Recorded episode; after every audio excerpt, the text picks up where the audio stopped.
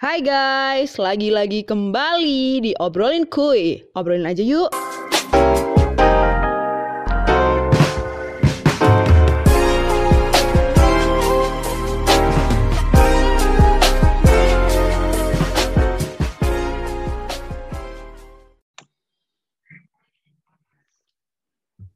Hai guys, uh, episode kali ini kita bakal ngebahas sesuatu yang menurut aku sangat menarik kita bahas ya, karena sebenarnya aku juga ada di fase ini dan mungkin kalian yang ada di usia sekitar 20 sampai 25 mungkin juga merasakan fase yang sama dengan aku ya pastinya gitu. Jadi hari ini kita akan membahas sesuatu yaitu life crisis bersama narasumber kita. Ini teman aku juga, jadi uh, sebelum aku bikin podcast nih gitu kita sering sharing gitu ya tentang topik yang sama gitu jadi uh, aku mengundang narasumber kali ini karena aku merasa kayak dia ini orang yang cocok untuk membahas tema kali ini pastinya gitu di obrolin kuy yaitu tema life crisis kita sambut langsung narasumber keren kita hari ini yaitu Farhan halo halo wah gimana kabarnya Alhamdulillah baik.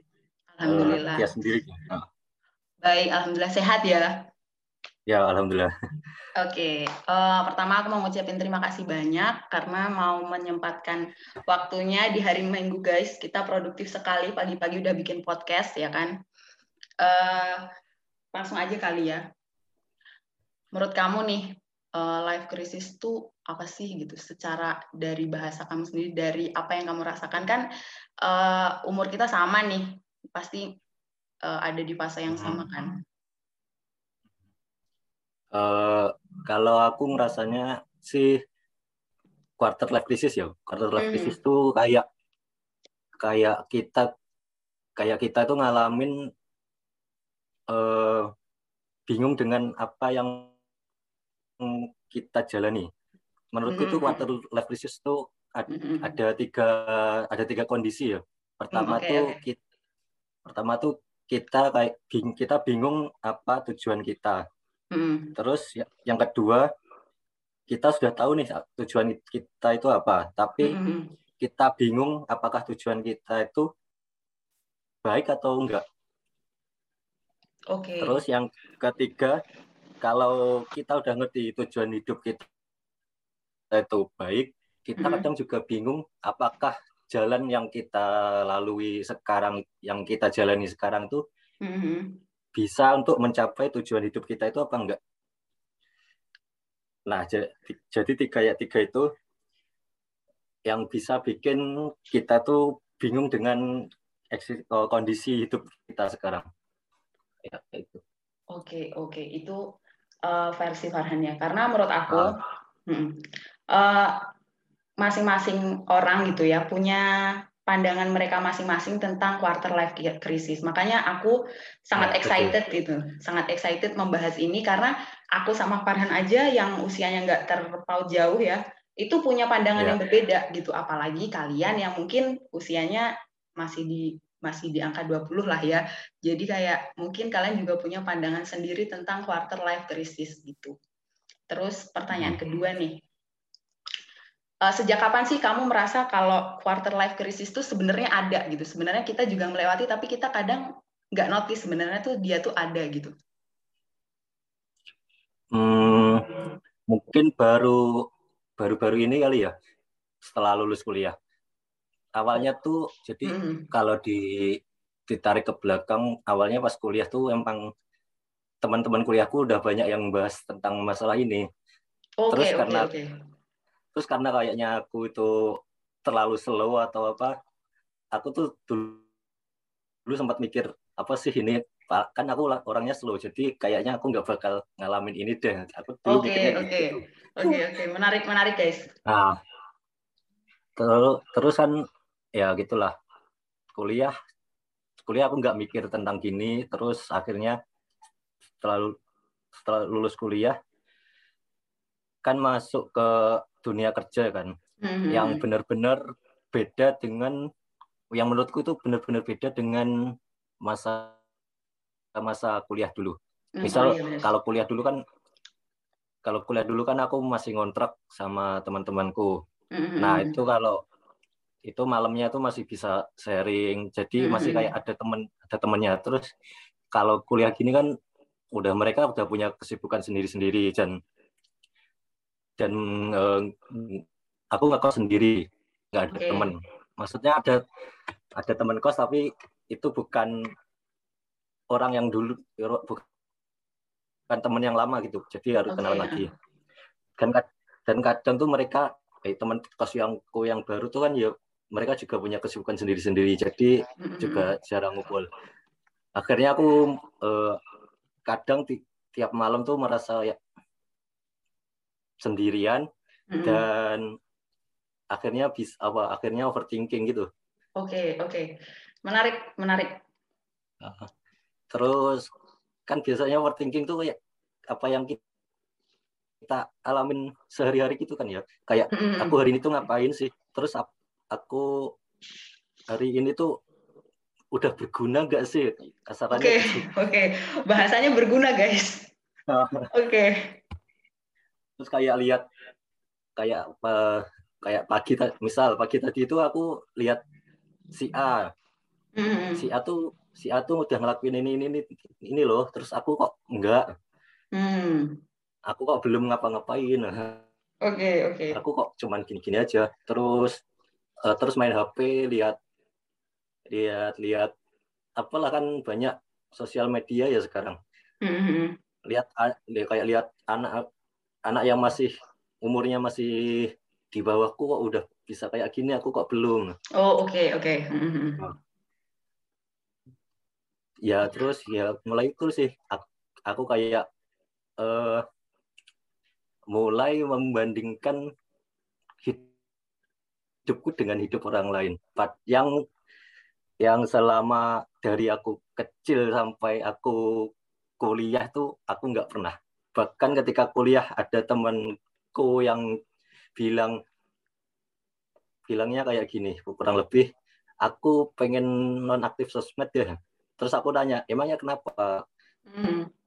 dia tuh temanku tuh dia bilang aku nggak mau lihat orang lain tuh aku nggak mau lihat orang lain tuh update kehidupannya gini-gini yang membuat aku insecure. Dia bilang gitu. Terus pas saat itu tuh aku kayak ketawa gitu nah emang kenapa kan itu bebas-bebas aja kan itu Hmm. mereka kan kita nggak perlu insecure tapi setelah aku masuk masa kerja itu kayak berbalik aku akhirnya merasakan apa yang dialamin temanku itu Karma berarti ya? Oke, oke. Eh, berarti ada fase di mana kayak quarter life crisis itu membandingkan proses kita atau sedang ada di mana sih kita saat ini dengan orang lain. Bener nggak sih? iya iya Oke. dan aku tuh eh, Mm, dan aku tuh mikir mm, apakah life crisis itu juga dialami oleh eh, nenek-nenek kita, nenek buyut-buyut kita. Aku tuh pernah Oke, mikir oke. gitu. Soalnya kan Mm, mm, kalau kita sekarang kan ya manusia digital kan ya. mm, mm, mm, mm. Oh iya, bahkan aku nggak Kita bisa lihat sana. bisa lihat bisa lihat eh, ini bisa lihat kehidupan orang lain tuh dengan mudah. Mereka kan bisa menguploadnya di sosmed, terus kita juga bisa lihat dengan mudah. Mm, mm, mm, mm. Akhirnya kita jadi gampang untuk membandingkan kita dengan orang lain. Sementara kalau zaman dulu kan belum ada kayak gini kan ya. Mm, mm, mm. Mereka paling, aku mikir tuh mereka paling ya apa yang mereka lihat tuh ya kehidupan di di eh, daerah sekeliling mereka aja. Nggak, jadi nggak nggak sampai kayak gini gitulah.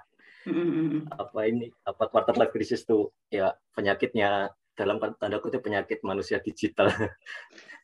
Iya sih, bisa sih, bisa guys. Jadi benar juga apa yang dikata Farhan tadi.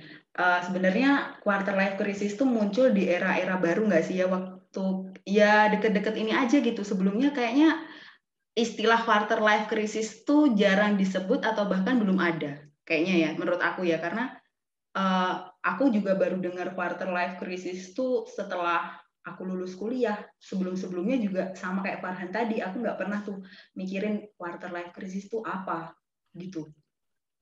Bener juga kata Farhan yang mungkin orang-orang dulu juga nggak nggak ada tuh kayak membandingkan proses dia sama proses orang lain ya kan.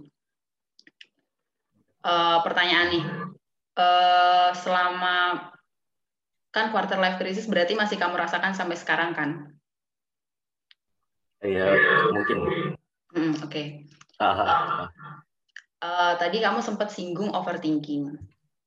Hmm gimana cara kamu untuk keluar dari overthinking itu? Karena kalau kita biarkan sebenarnya itu kurang baik gak sih buat kesehatan mental kita gitu? Karena iya benar ya kan? Coba kamu jelasin proses kamu keluar dari overthinking tuh gimana? Um, gimana ya? Uh, jadi aku rasa tuh masalah tuh sebenarnya yang 10% itu masalahnya sendiri dan hmm. yang 90 persennya itu timbul dari pikiran kita sendiri. Jadi kayak pikiran kita sendiri itu melebih-lebihkan masalah yang sebenarnya nggak seberapa gitu. Oke, oke, oke. Padahal kita tuh nggak tahu masalah tuh masalah tuh sebenarnya bisa loh kita selesaikan dengan cara ini ini, tapi pikiran kita tuh kayak ngembangin sendiri ntar kalau aku gini masalahnya jadi gini nggak ya? Ntar kalau aku gini masalahnya jadi tambah rumit nggak ya? Padahal itu kan sebenarnya cuma di pikiran kita sendiri gitu loh. Jadi kayak aku tuh uh, aku tuh pernah baca ini uh, filosofinya orang-orang Stoa. Mereka tuh kayak membanding membagi mm. membagi segala sesuatu tuh menjadi dua yaitu apa yang bisa kita kendalikan dan apa yang tidak bisa kita kendalikan. Oke. Okay, okay. Nah, kayak hasil dari hasil dari apa yang kita lakukan tuh itu tidak bisa kita kendalikan. Itu kan murni uh, murni kehendak ada campur tangan dari yang atas kan, mm -hmm. yang tuh dari Tuhan.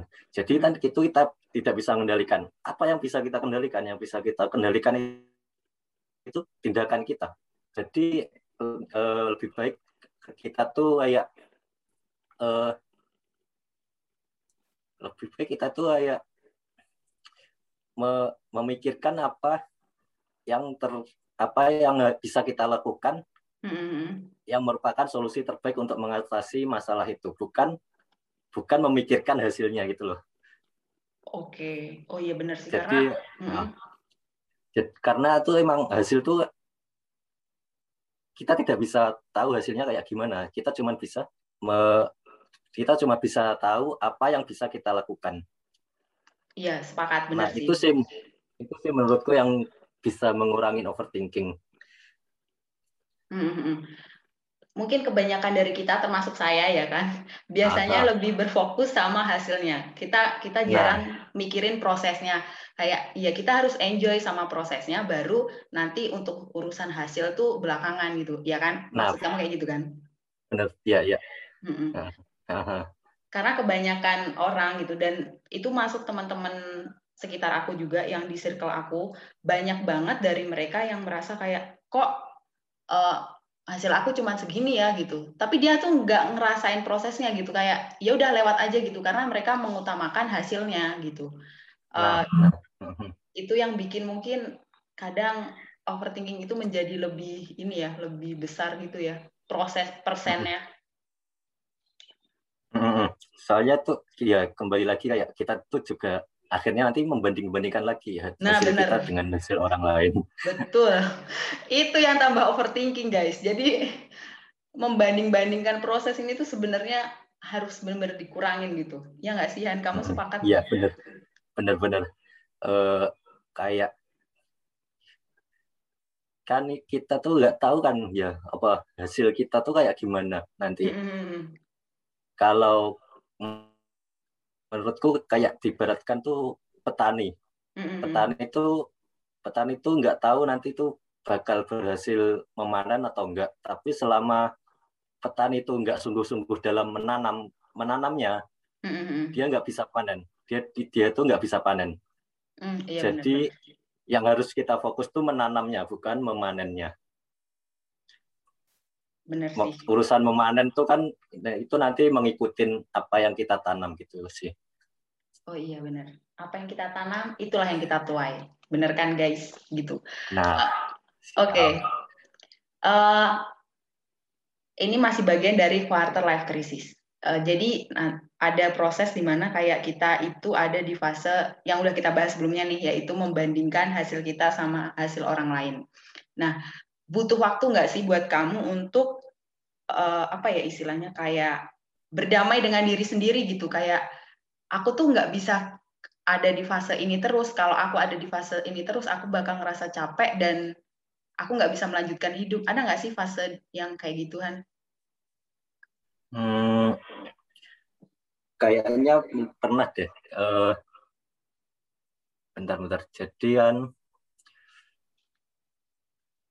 kalau itu overthinking itu kita teruskan kan itu kayak bisa mengurangin produktivitas kita nggak sih?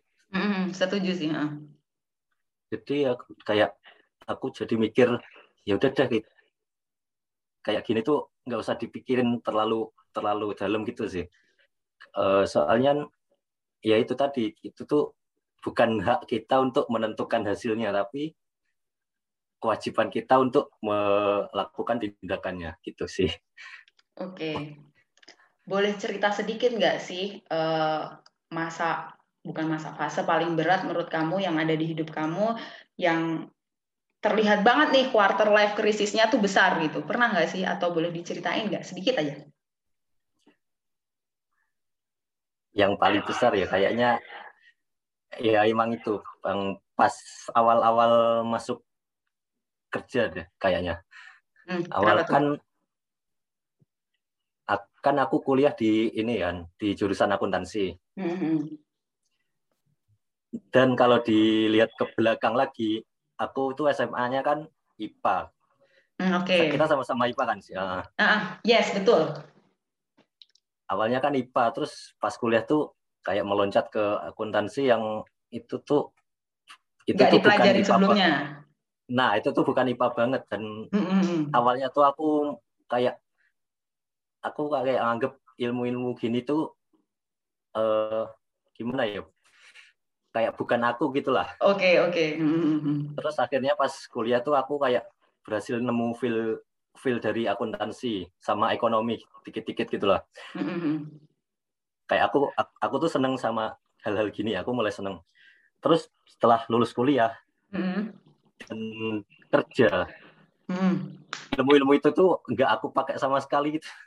Kayak aku belajar hal baru lagi, apa yang selama aku pelajari selama mungkin dari SD sampai kuliah tuh benar-benar nggak kepake semua, nggak kepake mayoritasnya nggak kepake gitulah. Oke okay, oke okay, oke. Okay. Terus aku mulai kayak mikir-mikir apa aku harus pindah kerja, harus pindah kerja ya. Aku mulai mikir, waduh, waduh, sampai mikir seperti itu. oke lanjut. Kayak dulu tuh aku SMA tuh pengen gini, aku dulu SMA pengen cita-citaku pengen jadi kayak ini nih Pak, Pak Habibie gitulah kayak oh, okay. yang bikin mesin mesin pesawat itu. Mm-hmm. Terus pas kuliah pas kuliah aku uh, aku harus mengganti impianku. Oke, okay, oke. Okay.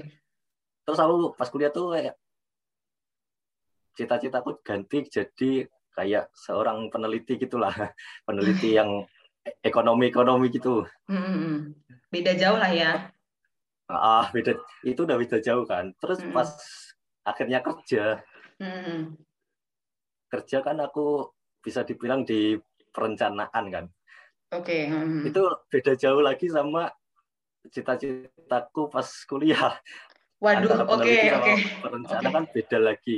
Nah, hmm. aku mulai ya, ya itu sih aku mulai mikir apa aku harus resign terus apa terus aku lihat orang-orang aku kan tinggal di Jakarta nih aku kan jadi sering lewat di itu kantor-kantor ya di Jalan Sudirman tuh kan kantornya gede-gede. Mm-hmm. Terus aku lihat, aku pernah pas sepulang kerja tuh lewat sana terus lihat mereka tuh kayak keren-keren. Oke okay, oke. Okay. Kayak apa kalau aku kerja di sini aku bisa lebih keren. Aku okay. sempat mikir gitu. Oke okay, oke, okay. menarik menarik. uh, ya itu sih tapi uh, apalagi setelah aku baru masuk kerja lah cuman beberapa bulan gitu ada ini ada pandemi.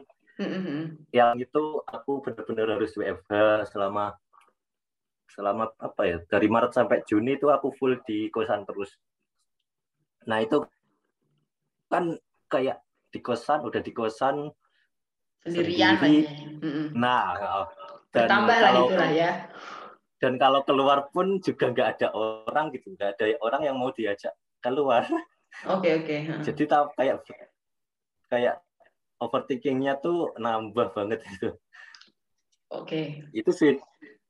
Itu yang uh, quarter life crisis versi kamu yang paling berat ya berarti ya? Uh, selama ini dalam itu catatannya. Mungkin okay. nanti ada yang lebih berat. Oke, okay, oke. Okay. Menarik. Uh, kalau misal aku nanya gini, uh, mungkin banyak dari angkatan kita gitu ya, yang pengen hmm. banget ada di fase kamu saat ini gitu. Banyak banget yang kok si A bisa kerja di sini sih gitu. Sedangkan aku yang jurusannya sama nih, misal kita ambil misal pertanian hmm. gitu ya, terus temennya ini pertanian juga, tapi mungkin sekarang uh, dia ini kerjanya sudah lebih mapan daripada si temannya yang tadi gitu.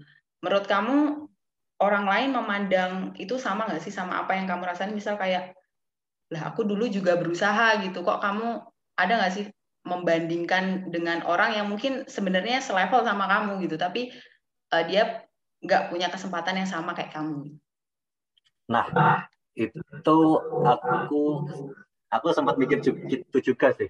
Okay. Pas aku pas ya tuh yang pas lagi banyak overthinking tuh aku jadi mikir jangan-jangan kehidup apa apa yang aku jalani sekarang itu adalah kehidupan yang diinginkan oleh orang lain. Nah, jangan-jangan ada, hmm. jangan-jangan ada orang lain yang membandingkan hidupnya itu dengan hidupku gitu. Oke. Okay. Hmm. Sementara di sisi lain aku sendiri membandingkan hidupku dengan orang lain lagi. Itu kan akhirnya jadi kayak lingkaran yang enggak terus muter gitu ya sih. Hmm, Oke. Okay. Ini, si A hmm. membandingkan dengan B, si B membandingkan dengan C. Sementara si C itu nanti akhirnya juga membandingkan dengan si A. Oh, hmm, hmm. Kayak aku tuh jadi mikir se kalau kita tuh nggak bersyukur, kita nggak hmm, okay. akan pernah merasa cukup. Karena kayak kayak orang Jawa bilang ya kayaknya. Orang hmm. Jawa tuh ada pepatah Jawa ada yang bilang akeh durung mesti cukup, sitik hmm, durung mesti kurang ya. Hmm. Banyak belum pasti cukup, eh, sedikit belum tentu kurang. Jadi ya kayak itu apa yang per, kayaknya yang perlu ditingkatkan itu emang rasa syukurnya itu sih. Oke, berarti kau pernah ada di fase itu ya, maksudnya kayak uh, merasa ada orang lain yang membandingkan hidupnya sama hidupmu sekarang gitu. Berarti kamu pernah ngerasain itu ya? Hmm, bener dan pas tahun kemarin eh, pas tahun kemarin masa-masa pandemi itu kan aku nggak bisa mudik itu kan. Mm-hmm. Terus ada ini apa kayak pondok di dekat rumahku tuh ngadain pengajian online. Oke. Okay. Terus si apa si uh, Pak Kiai Mbah Kiainya itu bilang mm-hmm. di suatu ceramah tuh bilang kalau di bahasa Indonesia kan kayaknya gini, hidup tuh seperti minum air laut. Oke. Okay. Uh, semakin semakin banyak kita minum tuh kita akan bakalan semakin haus. Oke okay, oke. Okay, okay. Entah kenapa entah kenapa itu tuh kayak pas ngena banget di aku yang pak yang ngalamin lagi ngalamin itu lagi ngalamin overthinking kayak nggak puas dengan hidupku sekarang itu. Oke okay, oke. Okay uh, kamu satu tempat kerja kamu itu kan pasti ada orang yang bisa dibilang jauh di atas kamu ya gitu. Kamu pernah nggak sih hmm. membandingkan posisi kamu saat ini sama posisi dia gitu? Mungkin umur kalian nggak beda jauh ya, tapi uh, tingkat mungkin kerjaan kali ya itu jauh lebih tinggi daripada kamu. Itu pernah nggak membandingkan yang kayak gitu? Iya, aku ya mungkin yang aku bandingin tuh kayak ini kesempatan kesempatan untuk lanjut sekolah lagi hmm. terus hmm, hmm. kesempatan untuk segera promosi gitu sih oh oke okay. kayak oh, benar. kayak kalau yang se yang seumuran tuh kan emang kita belum dalam istilahnya belum bisa lanjut sekolah lagi kan tapi hmm. yang agak yang agak agak senior lagi itu ada yang udah kuliah udah lanjut S1 aku kan dulu D3 hmm, terus aku okay. lihat ada seniorku ada yang udah lanjut S1 terus ada juga yang udah bisa daftar uh, untuk beasiswa S2 ke luar negeri terus wow. tuh aku jadi aku jadi mikir aku tuh bisa gak sih kayak mas-mas dan mbak-mbak ini gitu oke okay, oke okay. Uh, menurut aku wajar sih ya gitu karena kan kita hmm. manusia tuh pasti akan terus berproses ya gitu seiring dengan berjalannya uh. waktu oke okay. hmm.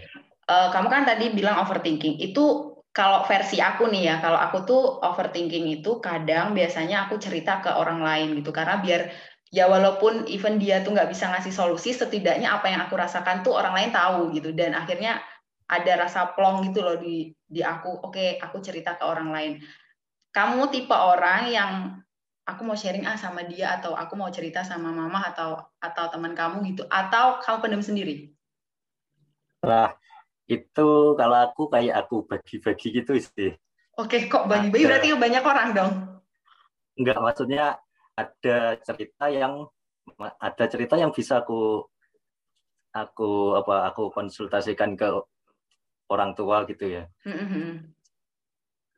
Terus ada cerita yang kayaknya kalau aku ceritain ke orang tua tuh orang tua bakalan bakalan nambah pikir nambah pikiran mereka gitu. Betul. Menarik guys. Kita, jadinya, uh, lanjut lanjut. Jadinya tuh kalau yang itu biasanya aku ceritain ke beberapa temanku gitu. Oke. Okay. Terus terus ada yang ada juga yang kalau aku ceritain ke temanku tuh juga kayaknya nggak tepat deh. Hmm, terus yang okay. yang kayak hmm. kalau yang kayak gitu tuh aku ya aku pendam sendiri akhirnya. Oke. Okay. Berarti Jadi ya, ya. Berarti kita berdua ini beda beda tipe ya. Yang aku suka cerita, yang Farhan ini sukanya emang dipendem. Tapi uh, beberapa momen emang sebaiknya kita pendem ya karena kalau misal kayak banyak kan dari teman kita tuh kalau misal kita cerita bukan mereka mendengar malah mereka juga saling curhat waduh itu sebenarnya nah. kadang tuh ya kesel sebenarnya kesel cuman kayak ya dia mungkin butuh kita juga buat cerita gitu kan uh, nah iya kan kamu pernah ngerasain kayak gitu kan mm -hmm. Mm -hmm. terus kalau kan mm -hmm. gimana kalau ke orang tua kayak kan kalau waktu aku kuliah itu kayak sering banget uh, aku kan jarang cerita ke temen ya karena aku mikirnya tuh kalau kita cerita ke temen kita tuh nggak tahu gitu proses apa yang sedang dia lewatin. Apakah mungkin dia bisa punya beban tuh jauh lebih berat tapi dia diem aja gitu. Sedangkan aku bebannya yang kecil-kecil aja udah mau sambat gitu loh. Jadi aku uh, prefer cerita ke orang tua. Makanya uh, sempat aku bilang tadi sempat aku singgung kak kalau aku tuh jarang gitu cerita sama teman gitu. Itu nah mungkin kalau aku soalnya ini ya kan emang ke posisi eh, dari kecil tuh kayak udah dalam artian secara fisik tuh kayak jauh dari orang tua gitu mm, jadi okay. kayak aku jadi aku mikir tuh kalau aku aku istilahnya sambat sambat kayak gini ke orang tua tuh mereka tuh ya mikir wah anakku udah posisi jauh karena masalah gini ntar kenapa hmm. kenapa hmm. itu nambah kayak itu menurutku ya bisa nambah beban eh, beban pikiran mereka deh jadi kayak daripada aku eh, nambah beban pikiran mereka tuh ya kadang ada ada porsi yang nggak aku ceritain ke orang tua gitu. Okay. Tapi benar yang tadi yang kalau yang aku cerita ke teman tuh teman tuh kayak kamu tuh masih enak gini ya kalau aku oh, nah ya itu benar benar benar. Ya, itu kan. Tapi itu kayak kayak aku tuh ya udah nggak apa-apa sih mereka kalau mereka gini. Yang penting tuh kayak aku bis, udah bisa cerita dan saat ini aku bisa cerita ke orang lain tuh menurutku itu udah kayak bisa uh, melep, kayak ada yang le, uh, lebih lega gitu kayak plong gitulah mm-hmm. meskipun tanggapan mereka tuh nggak sesuai dengan yang kita harapkan kan yang penting kita udah bisa cerita kalau aku gitu sih oke okay. oke okay, uh, sebenarnya ini pertanyaan selanjutnya ini agak out of the topic gitu tapi mm-hmm. nggak mm-hmm. apa-apa kita discuss aja gitu Uh, aku sama Farhan ini sama-sama anak pertama guys. Jadi kita sama-sama anak pertama, punya adik banyak gitu kan. Uh, yeah. Kalau dari sisi aku kan aku anak perempuan pertama. Kalau dari sisi aku hmm. waktu aku kuliah itu, uh, aku udah mikir kayak sebenarnya kalau punya masalah tuh aku agak mikir dulu gitu mau cerita ke orang tua karena yang mereka yang beliau pikirkan gitu kan bukan cuman aku gitu. Ada adik-adik di rumah yang yang juga butuh uh, perhatian dan juga apa ya kayak tanggung jawab orang tua tuh bukan cuma aku gitu. Kalau kamu nih Han, kan kamu anak laki-laki pertama. Kamu juga yeah. merasakan hal yang sama nggak sih? Atau mungkin versi cewek sama cowok beda gitu? Nah, kak, uh, mungkin aku cerita aja ya. Dulu aku dulu mm. tuh aku sempat aku sempat pas SMA tuh sempat kena tipes lah gitu. Mm, Oke. Okay itu bertepatan dengan lahirnya adikku yang terakhir, yang paling bungsu. Mm, Oke. Okay. Nah jadi kan kayak orang tua aku, orang tua aku fokus ke adikku kan. Mm, Sementara aku kayak yang tipes tuh kayak ya udah aku tahan sendiri biar nggak nggak nambah repot mereka gitu loh. Oke. Okay. Uh -huh. Ya itu dari situ tuh aku mikir, ya aku mulai mikir kalau emang benar orang tuaku tuh anaknya bukan cuman aku jadi kayak nggak bisa kalau harus apa harus cuman ke aku aja gitu mm-hmm. apalagi terus setelah kuliah tuh aku emang kayak yang aku ceritain tadi ya kuliah tuh aku, aku emang slow kayak banyak hari gitu nggak terlalu mikir ini itu jadi pas kuliah tuh juga aku orang yang tipe orang yang jarang cerita ke ortu gitu. Oh oke okay, oke. Okay. Baru pas setelah lulus kuliah tuh pas kerja masa kerja ini aku mulai sadar ternyata aku cerita ke ortu tuh juga penting sih.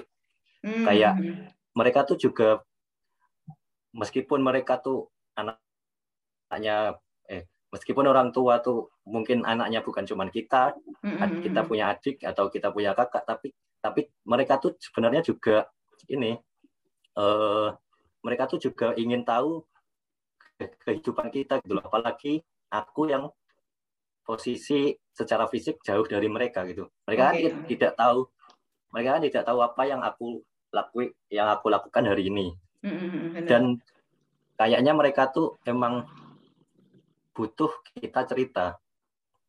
Oke, okay, oke. Okay. Jadi pas setelah kerja tuh aku baru sadar kalau ya seremeh apa pun yang aku lakuin hari ini, mm-hmm. aku perlu aku perlu memberi kabar ke orang tua aku gitu sih. Oke. Okay.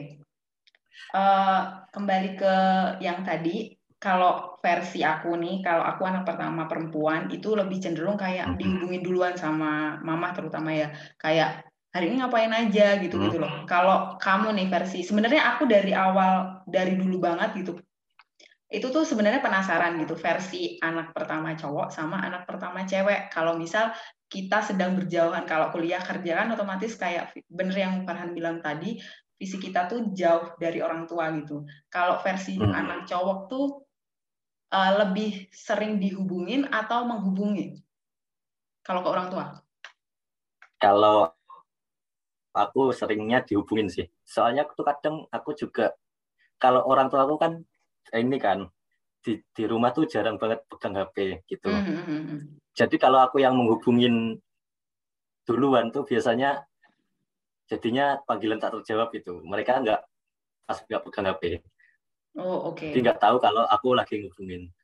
Jadi uh, kalau sekarang itu kebanyakan mereka dulu yang ngubungin soalnya kalau mereka aku kan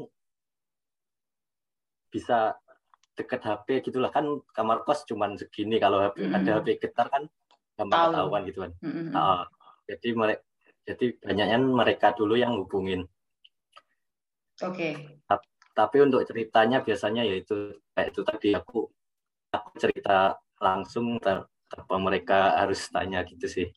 Oke. Sejak kapan kamu sadar kalau sebenarnya aku tuh juga perlu loh cerita sama orang tua gitu. Kalau aku kan mungkin udah dari karena anak perempuan ya kayak cerita ke siapa lagi kalau bukan ke orang tua gitu. Sejak kapan kamu sadar kalau sebenarnya Hmm, cerita ke orang tua tuh juga penting? Itu tadi sejak sejak masuk dunia kerja. Kalau aku dari kecil sampai da- dari kecil sampai kuliah tuh aku mikirnya Hmm. aku nggak perlu cerita sama sekali ke orang tua supaya mereka tuh nggak nambah pikiran. Aku mikirnya gitu. Oke, oke, oke, oke. Apalagi ya aku punya adik dan ya udah aku anak pertama kayaknya aku harus yang benar-benar mandiri 100% mandiri gitu.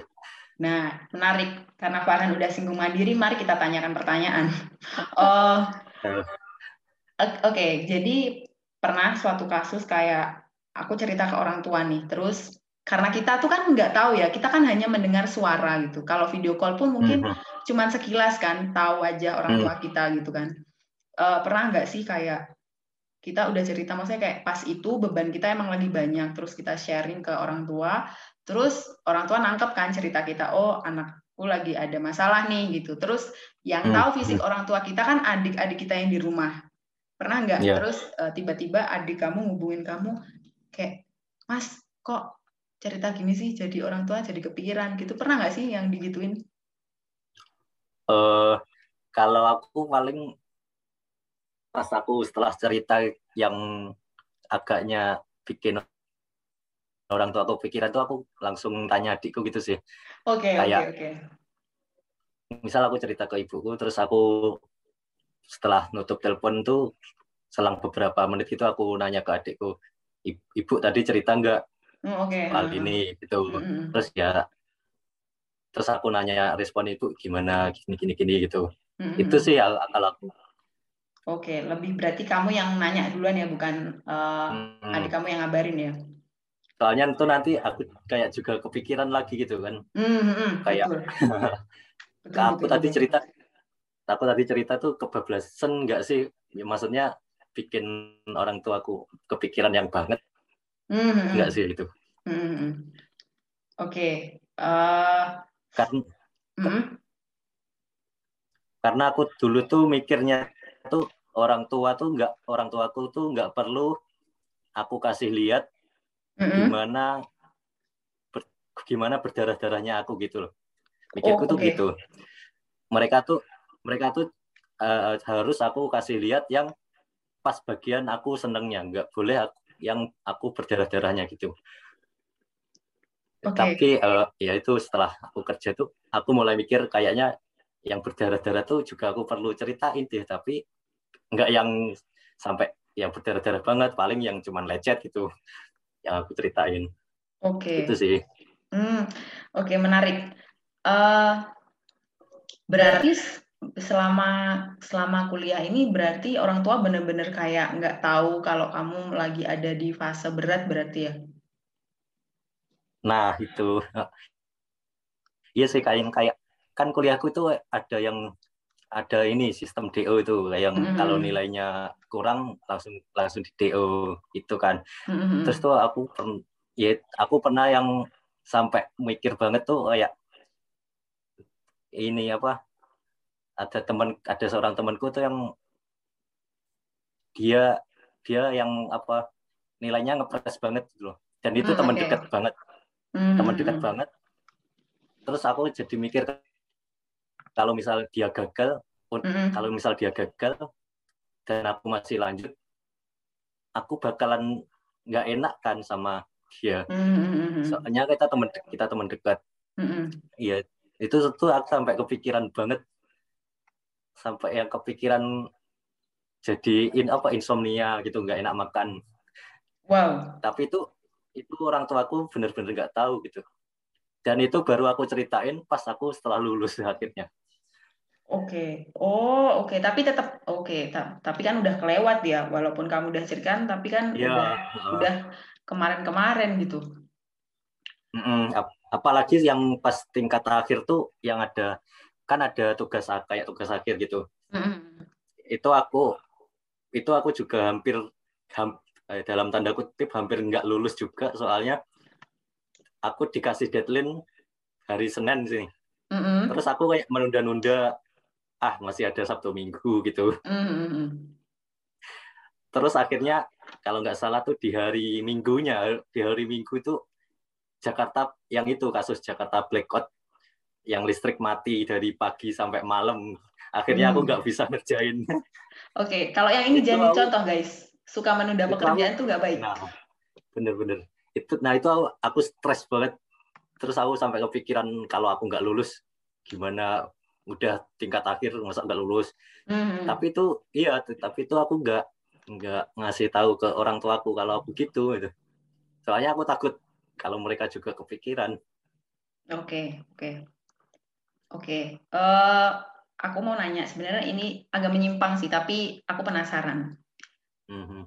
Eh, kita kan sering tuh kalau misal nongkrong bareng teman SMA lah ya, jangan teman kuliah karena teman kuliah kan kita baru pisah beberapa tahun silam ya. Kalau teman SMA tuh kan udah lama banget kan kita wisuda tahun 2016 terus kita benar-benar pisah sama Hmm. mereka kan udah lama gitu. Terus kita nongkrong sama mereka gitu. Mungkin kalau di aku gitu ya, kalau di aku ada beberapa teman yang mungkin sampai sekarang gitu kan belum menyelesaikan skripsinya gitu. Jadi pas kita nongkrong tuh mungkin mungkin ada di circle kamu atau enggak nanti kita bahas gitu kan. Eh, kalau di circle aku tuh kayak nanya gitu loh. Itu sebenarnya tuh menurut aku aku agak bingung me- mengartikan ya apakah pertanyaan ini tuh bagus kita tanyakan ke teman kita pada saat kita nongkrong atau enggak gitu sebenarnya. Kayak pertanyaannya, kamu udah kerja di mana? Kamu udah lulus belum ngerjain skripsi? Itu kadang setelah aku nongkrong dan membahas topik itu aku pulang tuh sampai kayak kepikiran gitu. Karena aku berpikir salah nggak sih aku nanya ke teman aku kayak gitu? Sedangkan kita pisah tuh udah lama kita nggak tahu keseharian dia kayak apa. Terus kita tiba-tiba nanya teng gitu. Kamu udah kerja di mana? Kamu udah lulus atau belum? Gitu. Sebenarnya tuh salah nggak sih? Pernah nggak sih kamu meng- mengalami momen yang sama? Eh, yang aku rasain eh, pernah sih, tapi itu aku mikirnya kayak eh, niat kita kan aw- emang awalnya kan baik kan kita nanya kabar ke mereka Mm-mm. terus gini-gini tapi nangkep menanya mereka itu belum tentu seperti apa yang kita oh, kita niatin gitu Mm-mm. kan kita, kalau kita kan niatnya nanya kabar tapi mungkin nangkep mereka jadi beda terus bikin bisa bikin mereka tersinggung atau gitu ini itu Mm-mm. kalau aku sih kayak ini kayak yang biar mereka cerita sendiri gitu sih akhirnya Oke. kayak aku nggak kebanyakan tanya ini itu tapi pastinya kayak kalau nongkrong kan masa diam-diaman gitu kan jadi Mm-mm. kayak ya aku pancing obrolan kayak ini terus kadang mereka tuh bisa juga cerita sendiri dan aku mancingnya tuh nggak langsung nanya kayak kamu udah kerja di mana gitu. Kan enggak kan aku paling bilang kalau kalau kerja di sini tuh kayaknya in- gini gini. Terus mereka akhirnya cerita oh ya aku udah coba ngelamar kerja di sini atau gitu di sini. Terus ada yang cerita aku kerja kalau kerja di sini tuh gini gitu sih. Oh, oke. nggak Berarti- langsung Mm-mm. nggak langsung nanya. Nggak langsung nembak kayak kamu udah lulus belum? Kamu udah kuliah? Eh kamu udah kerja apa belum? Nah. gitu ya oke nah Sebe- itu uh, Mm-mm. karena ya benar apa yang Farhan bilang tadi karena nggak semua orang menerima sesuai dengan apa yang kita niatkan sebelumnya kan. Mungkin Iya, aja mereka menerimanya sangat berbeda 180 derajat sama apa yang kita harapkan gitu kan. Bener. Mm. yang awalnya kita cuman mau nanya kabar ntar mereka tuh malah nangkepnya si Farhan sekarang sombong mentang-mentang Hmm, oke heeh, heeh. udah gini nanya-nanya gini gitu kan Mm-mm. aku takutnya itu juga gitu Hmm, oh, berarti sebenarnya cewek sama cowok tuh ada sama ya kalau pas nongkrong itu berarti juga kepikiran hal yang sama ya. Karena aku pikir iya. mungkin itu hanya ada di circle perempuan karena biasanya kan ya itu tadi kalau nongkrong tuh kalau serba salah gitu loh. Kalau misal mau nanya progres hidup kamu tuh belum tentu kamu uh, menjawab sesuai dengan apa yang aku harapkan. Tapi kalau aku nggak nanya kok kesannya lah kita ketemu kenapa kamu nggak nanya kabar gitu loh kayak serba salah sebenarnya gitu. Nah, oke. Okay. Terus aku sampai hmm. apa kayak mending tuh kita ngomongin misal teman SMA tuh kita ngomongin ya banyak ngomongin kita tuh pas SMA dulu ngapain sih yang nah, betul. apa mm-hmm. ada cerita-cerita lucu apa yang perlu kita nostalgiakan sekarang untuk ditertawakan lagi gitu. Mm-hmm.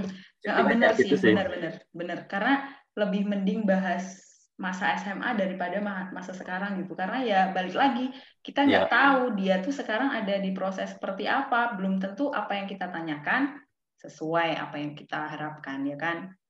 Mm-hmm. Oke, okay.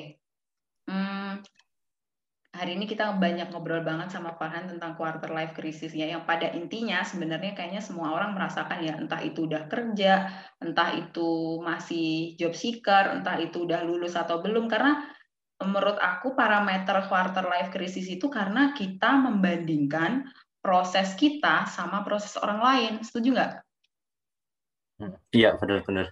Hmm itu tadi makanya quarter life crisis tuh ada di di semua mungkin umur 20 sampai 25 tahun tuh kayaknya ngerasain ya. Uh, pertanyaan terakhir. Kayaknya hari ini hmm. banyak ya, tapi it's okay karena itu sharing yang harus uh, aku up karena menarik banget. Uh, pertanyaan terakhir, tips dari kamu nih buat menghadapi quarter life crisis. Kalau aku ini dari kalau dari pengalamanku sendiri ya. Hmm, based on your cara, story. Oh, cara hmm. cara terbaik untuk mengatasi ini tuh ya perbanyak bersyukur. Oke. Okay.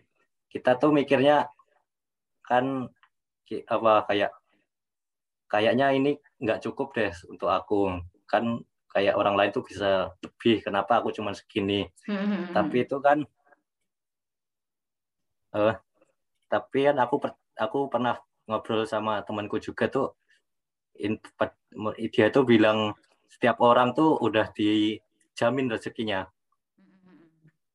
Dan selama orang itu hidup tuh rezekinya pasti masih ada. Jadi ya dan rezeki itu bukan cuman dalam bentuk materi dalam Betul. bentuk dalam bentuk kesempatan dalam bentuk uh, relasi dengan orang lain itu juga suatu bentuk rezeki. Maksudnya jangan lihat apa yang orang lain punya, tapi lihatlah kamu sendiri tuh udah punya apa aja selama ini. Mm-hmm. Itu itu yang bisa bikin kita jadi lebih bersyukur gitu sih. Oke, itu tips dari kamu buat menghadapi uh, quarter life crisis. Kalau tips dan, dari kamu buat ngadepin uh, overthinking tuh gimana? overthinking. Oke. Okay. Uh, thinking kalau simpelnya ya kalau simpelnya mm. tuh biasanya kan overthinking tuh malam-malam kan pas mm. belum tidur mm. itu kalau tips aku ya sebelum tidur tuh berusaha untuk bagaimana kita jadi cepat tidur entah tuh eh, siangnya itu kita benar-benar capekin jadi pas malam udah langsung tidur nggak perlu overthinking lagi gitu. Okay. atau oke oke oke oke. Atau sebelum tidur paling bisa baca buku atau ya baca buku sih. Baca bukunya yang buku ini buku buku bukan buku digital. Mm-hmm. nggak buku buku biasa. Kan kalau ada ada yang aku pernah baca tuh kalau kalau kita natap menatap layar sebelum tidur tuh kita jadi bikin susah tidur juga Nah kalau okay. susah uh. tidur kan overthinking lagi. Oh benar. Sementara kan, kalau baca buku yang buku, buku biasa itu kan ya namanya aja baca buku kan pasti cepat ngantuknya gitulah. Mm-hmm. Okay. Dan cepat ngantuk tuh kita nggak perlu overthinking lah. Mm-hmm. Jadi bisa kita ganti dengan hal-hal lain. Nggak perlu nggak harus baca buku juga sih. Apa mungkin yang seneng main gitar bisa main gitar dulu sebelum tidur atau apa. Yang penting mengalihkan pikiran kita untuk tidak overthinking gitu. Oke, itu tips dari kamu. Uh, cukup menarik ya guys obrolan kita pagi ini karena quarter life crisis ini kalau dibahas banyak tuh nggak akan habis sebenarnya karena dari hmm. berbagai bidang tuh ada aja yang bikin kita tuh ada di fase quarter life crisis ya nggak sih sepakat nggak? Iya, ah, benar benar. Hmm, kan, benar. Karena semua orang pasti akan membandingkan balik lagi gitu kayak membandingkan tuh gak akan ada habisnya gitu loh mm. ya kan jadi kayak Dan ini apa kayak mm. kayak kita tuh ya kita itu sama-sama manusia itu maksudnya nggak mm. perlu nggak perlu membandingin peran orang lain gitu maksud mm. kan kita udah punya peran sendiri-sendiri yang maksudnya udah ditentukan oleh takdir gitu. Jadi ya ngapain membandingkan peran kita so, dengan orang lain? Lawang kita aja udah punya peran kita sendiri gitu. Gitu hmm. sih ya hmm, hmm, hmm. itu emang sebenarnya kuncinya gitu karena kunci buat nggak merasa di quarter life crisis ya stop membandingkan gitu kak. Akan capek sendiri kita nanti kalau membandingkan karena circle kita kan nggak cuma satu guys circle kita tuh banyak gitu kalau kita membandingkan dari satu circle ke circle yang lain ya nggak jadi berproses, kitanya malah jadi overthinking gitu. Sepakat nggak Han? Iya benar. Kan. Oke, okay. uh, eh, thank you banget buat sharingnya hari ini. Semoga para pendengar obrolin koi bisa memetik pelajaran, pengalaman dan juga sharing kamu hari ini. Terima kasih uh, buat waktunya. Hmm, tetap sehat, uh, jaga protokol kesehatan. Oke, okay? thank you. Okay. Ya. Bye-bye. Oke, segitu dulu episode kali ini. Semoga menginspirasi kalian dan jangan lupa untuk terus dengerin obrolin kuy. Obrolin aja yuk.